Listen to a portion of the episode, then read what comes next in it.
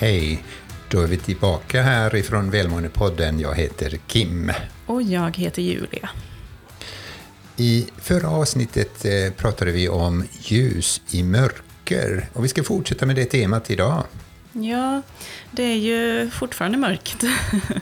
Eh, ute i alla fall. Det är november och eh, Mm, och som vi sa i förra avsnittet så är det många som upplever eh, att det är tufft just nu för att det är mycket som händer i omvärlden.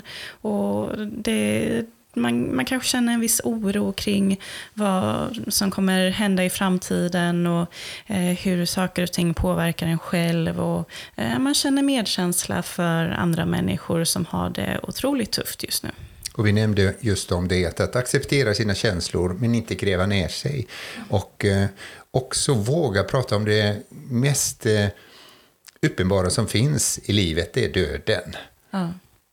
Och eh, se att, att det här eh, tar ju också slut. Och eh, hur ska vi ta vara på nuet på ett bättre sätt? Eh, och det handlar inte om att man grottar ner sig och börjar deppa, nu är det inte så långt kvar och, och så vidare, utan tvärtom att, att höja sitt välmående och tänka det finns väldigt många enkla saker i vardagen som får oss att må bra som vi inte tänker på. Och vi, vi har ju pratat om mindfulness och, och det handlar om just det, att ta vara på stunden som finns. Inte så mycket fokus på framtiden, även om vi inte ska sluta att planera. Och inte bara älta det förgångna, utan mer och mer hitta de här stunderna där man är närvarande i nuet och hitta någonting som, som hjälper dig att, att eh, njuta av nuet. Och vi ser ju det här med ljus i mörker. Och där kan ju du som lyssnar tänka på att du kan ju vara ljuset i mörkret. Det behöver inte vara bara ett fysiskt ljus som man tänder, utan du kan agera som det ljuset och sprida hopp och eh, känsla av mening till eh, din omgivning. Och jag tänkte att vi, vi kan ju börja det här avsnittet då med en liten positiv nyhet. Eh, för det är ju så att det finns otroligt många positiva nyheter där ute. Eh, men det som fångar vår uppmärksamhet är ju just det negativa och det har ju med hur hjärnan är uppbyggd. Eh, så det är helt naturligt att det är så. Eh, men då är det också viktigt att lyfta det som faktiskt går bra i samhället och det som fungerar. Och vi har ju en eh, ideell förening som heter Wake Wake Me Up som arbetar för att öka ungas välmående och egentligen främja välmående hos unga. Och jag tänkte att dagens positiva nyheter får bli att vi läser en liten recension som vi fått in eh, från en ung person som har bokat tid hos coaching. Och personen skriver så här. Att så här bra coaching är gratis för unga är helt fantastiskt. Wake Me Up har gett mig helt nya perspektiv och verktyg på hur jag kan hantera min prestationsångest, negativa tankar och oro. På bara några samtal har jag lärt mig otroligt mycket om mig själv. Jätteroligt, fantastiskt. Ja, det värmer hjärtat när man hör de här orden och när man läser det. Och, eh, och samtidigt tänker man att tänk att vi gör någonting som betyder någonting, som, något som är meningsfullt, som, som skapar ljus i vardagen. Ja, och vi kan ju inspireras av eh, hur andra människor agerar och tänka på men vad kan jag själv då göra. Och jag tänkte vi, vi kan ta och peppas ännu mer från ett citat som eh, sägs komma från Michelle Obama. Hon har sagt så här. You may not always have a comfortable life, and you will not always be able to solve all the world's problems at once. But don't ever underestimate the importance you can have, because history has shown us that courage can be contagious, and hope can take on a life on its own. Och det är fantastiskt att när man verkligen är modig och så skapar hopp för andra, det smittar av sig. Det smittar av sig till omgivningen också.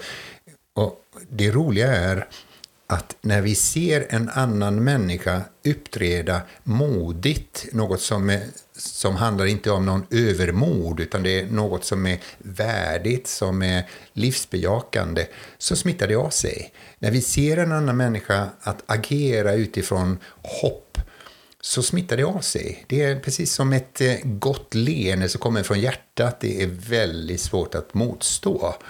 Så att tända ett ljus i mörker handlar kanske också om dig. Att du, när du börjar medvetet agera, tända ljus så att säga, för andra människor så påverkar det ditt välmående.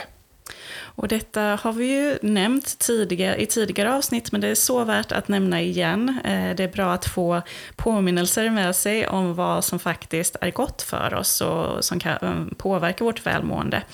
Eh, och det är ju det här med, som vi nämnde också, begreppet resiliens förra avsnittet, psykologisk motståndskraft. Och vad man har sett i forskningen, det är ju att när en person går igenom någonting som oftast kallas för trauma, och då pratar vi om eh, riktiga trauman i form av naturkatastrofer, eh, terrorattentat och så vidare. Eh, om en person är med om en sån upplevelse och direkt efter den här händelsen agerar för att hjälpa andra människor, då kommer man lättare hantera det här traumat och minska risken, risken för att utveckla PTSD. Um, ehm, och det här har man bland annat gjort forskning på efter 9-11 till exempel. Uh, många som var med där och uh, fick uh, en upplevelse med sig och som direkt då va valde att hjälpa dem som fanns runt omkring en. De här människorna hade större chans att idag må mycket bättre. Så nu, nu är ju vi så otroligt lyckligt lottade i Sverige, eh, många av oss, att vi eh, lever inte i ett trauma här och nu i vardagen. Det finns vissa som gör det, men majoriteten gör det inte. Eh, vi kan ändå ta tillvara på den här kunskapen och se till att vi själva bygger vår resiliens genom att hjälpa andra. Eh, och det finns ju så otroligt många sätt som man kan hjälpa andra på. Det kan handla om eh, din familj, det kan handla om dina kollegor, eller människor som du inte känner. Någon på stan som du märker behöver hjälp att ta sig över övergångsstället. Eh, och bara sådana små ageranden kan göra stor nytta för både dig och för de som får ta emot den här goda gärningen. Och rätt ofta människor som har drabbats av trauman eller förlust eh, av en anhörig och så vidare, så, så, så händer det att man glömmer att äta, man glömmer då att, att eh, eh, få i sig näring och eh, man glömmer att röra på sig överhuvudtaget. Rätt ofta när vi känner oss deppade så vill vi gärna eh, krypa ner i sängen och teck, dra täcken över huvudet. Och egentligen, vi skulle då behöva gå ut och, och promenera, men också glömma den sociala kontakten. Och det finns ju människor som har upplevt detta, hört, eh, har hört eh, någon som kommenterar det, eh, en annan människa och, och, så sa så här, jag glömmer aldrig dina bullar som du kom med då dagen efter min pappa hade gått bort. Och eh, det gjorde så väldigt gott och värmande när du bara kom med, hade bakat bullar åt mig och, och sa att du kommer säkert få människor besök, som besöker, som, som eh, så ska trösta dig och så vidare och du behöver ha någonting att bjuda på.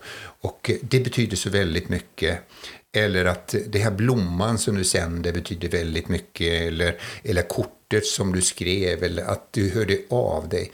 Det märkliga är att, att eh, när någon har upplevt en alltså sorg i sitt liv, antingen att man, man har skilt sig eller att, att någon har gått bort och så vidare, så blir vi tysta och eh, vi hör inte av oss för att vi tänker så här, nej men jag, jag, kan, jag, jag vet inte vad jag ska säga. Men man behöver inte säga någonting, utan bara finnas där och vara närvarande. Och det, det är ett antal människor som upplever det, att jag blev så ensam efter min, min förlust, för att alla de runt omkring mig, de, de på något vis tog avstånd. Och det var inte illa ment, det var, handlade bara om att man visste inte vad man skulle göra. Och då är det så här, att din omgivning behöver inte ha gått igenom några trauman överhuvudtaget. Utan det finns ju människor runt omkring dig som du kan tända ljus för, som, ni, som vi säger då bildligt talat. Att göra något gott så blir det dubbeleffekt. Motparten upplever att nej men vad roligt, vad trevligt, någon gjorde något gott för mig eller fanns där för mig. Men ditt välmående går upp också. Det blir en bumerangeffekt när du hjälper någon annan. Och är inte det fantastiskt? Och om det är så att du har någon i din närhet som eh, kanske ni, ni är lite på samma nivå, ni känner att det är extra tufft just nu, hur ska vi hantera det här? Eh, eller det är någonting som eh, ni känner att vi måste ju ta tag i det här. Då är mitt tips att du tar den här personen och så agerar ni som varandras eh, ansvarspersoner för att se till att ni tar hand om era allra mest grundläggande behov. Eh, för det är ju så, precis som Kim sa här, att när man går igenom något tufft, då är det oftast det mest grundläggande som man slänger bort. Och bara för att förklara här, vår hjärna skulle man kunna dela in, eller egentligen förklara hjärnan som en dator. Eh, och eh, datorn den har en hårdvara och en mjukvara. Och hårdvaran är din fysiska hjärna och dess olika delar. Och mjukvaran är när du sen själv kan programmera genom ditt beteende eh, och få egentligen din hjärna att agera som du vill. Eh, och nu är det ju så att eh, hjärnan är mer komplex än en dator. Eh, så att eh, det är såklart mer komplext än så här. Men om vi försöker fokusera då på hårdvaran. Vad är det som krävs för att din hårdvara ska må bra? Eh, och då är det ju så att eh, Eh, hjärnan kan ju ändra sin form. Eh, den är ju plastisk som man kallar det för. Jag tycker plastik är ett litet konstigt ord, men den är formbar. Eh, och det är så att dina neuroner i hjärnan, de kan eh, bryta kontakt med varandra för att eh, ansluta till andra neuroner och skapa nya vägar, bara genom dina egna erfarenheter. Eh, så att du kan ju faktiskt skapa de bästa förutsättningarna för att din hårdvara, alltså din fysiska hjärna ska skapa de bästa kontakterna med neuronerna i hjärnan. Och då är det tre saker som du ska fokusera på. Nummer ett, regelbunden fysisk aktivitet. Jag vet inte hur ofta man kan tjata om det här och vi skulle kunna ha 20 avsnitt bara om hur fysisk aktivitet faktiskt påverkar din hjärna. Eh, men bland annat, eh, det skapar fysisk aktivitet, det skapar molekyler i din hjärna som ökar blodflödet, skapar tillväxthormoner som stärker din hippocampus och din prefrontala cortex. Viktiga delar i hjärnan, så det är det viktigaste att veta. Det är viktiga delar som stärks tack vare fysisk aktivitet. Eh, det andra, det är maten du stoppar i dig. Nu är inte jag en dietist, så att jag kommer inte säga att ät si eller så. Det är bara ett budskap jag har till dig och det är att vi mår så bra utav näring. Och vart kommer näringen ifrån? Det kan du försöka lista ut själv. Eh, så istället för att säga att du ska ta bort massa saker från din kost, fundera på vad du kan lägga till för att ge näring till din hjärna. Kanske är det något grönt till exempel. Och det tredje, det är din sömn. Vi vet att det är dåligt att sova för lite och vi vet att det är dåligt att sova för mycket. Eh, det är faktiskt, eh, om man sover eh, upp mot 10-15 timmar stora delar av sitt liv så kan det påverka oss negativt. Det handlar om att hitta det du behöver för att du ska ha energi under din dag.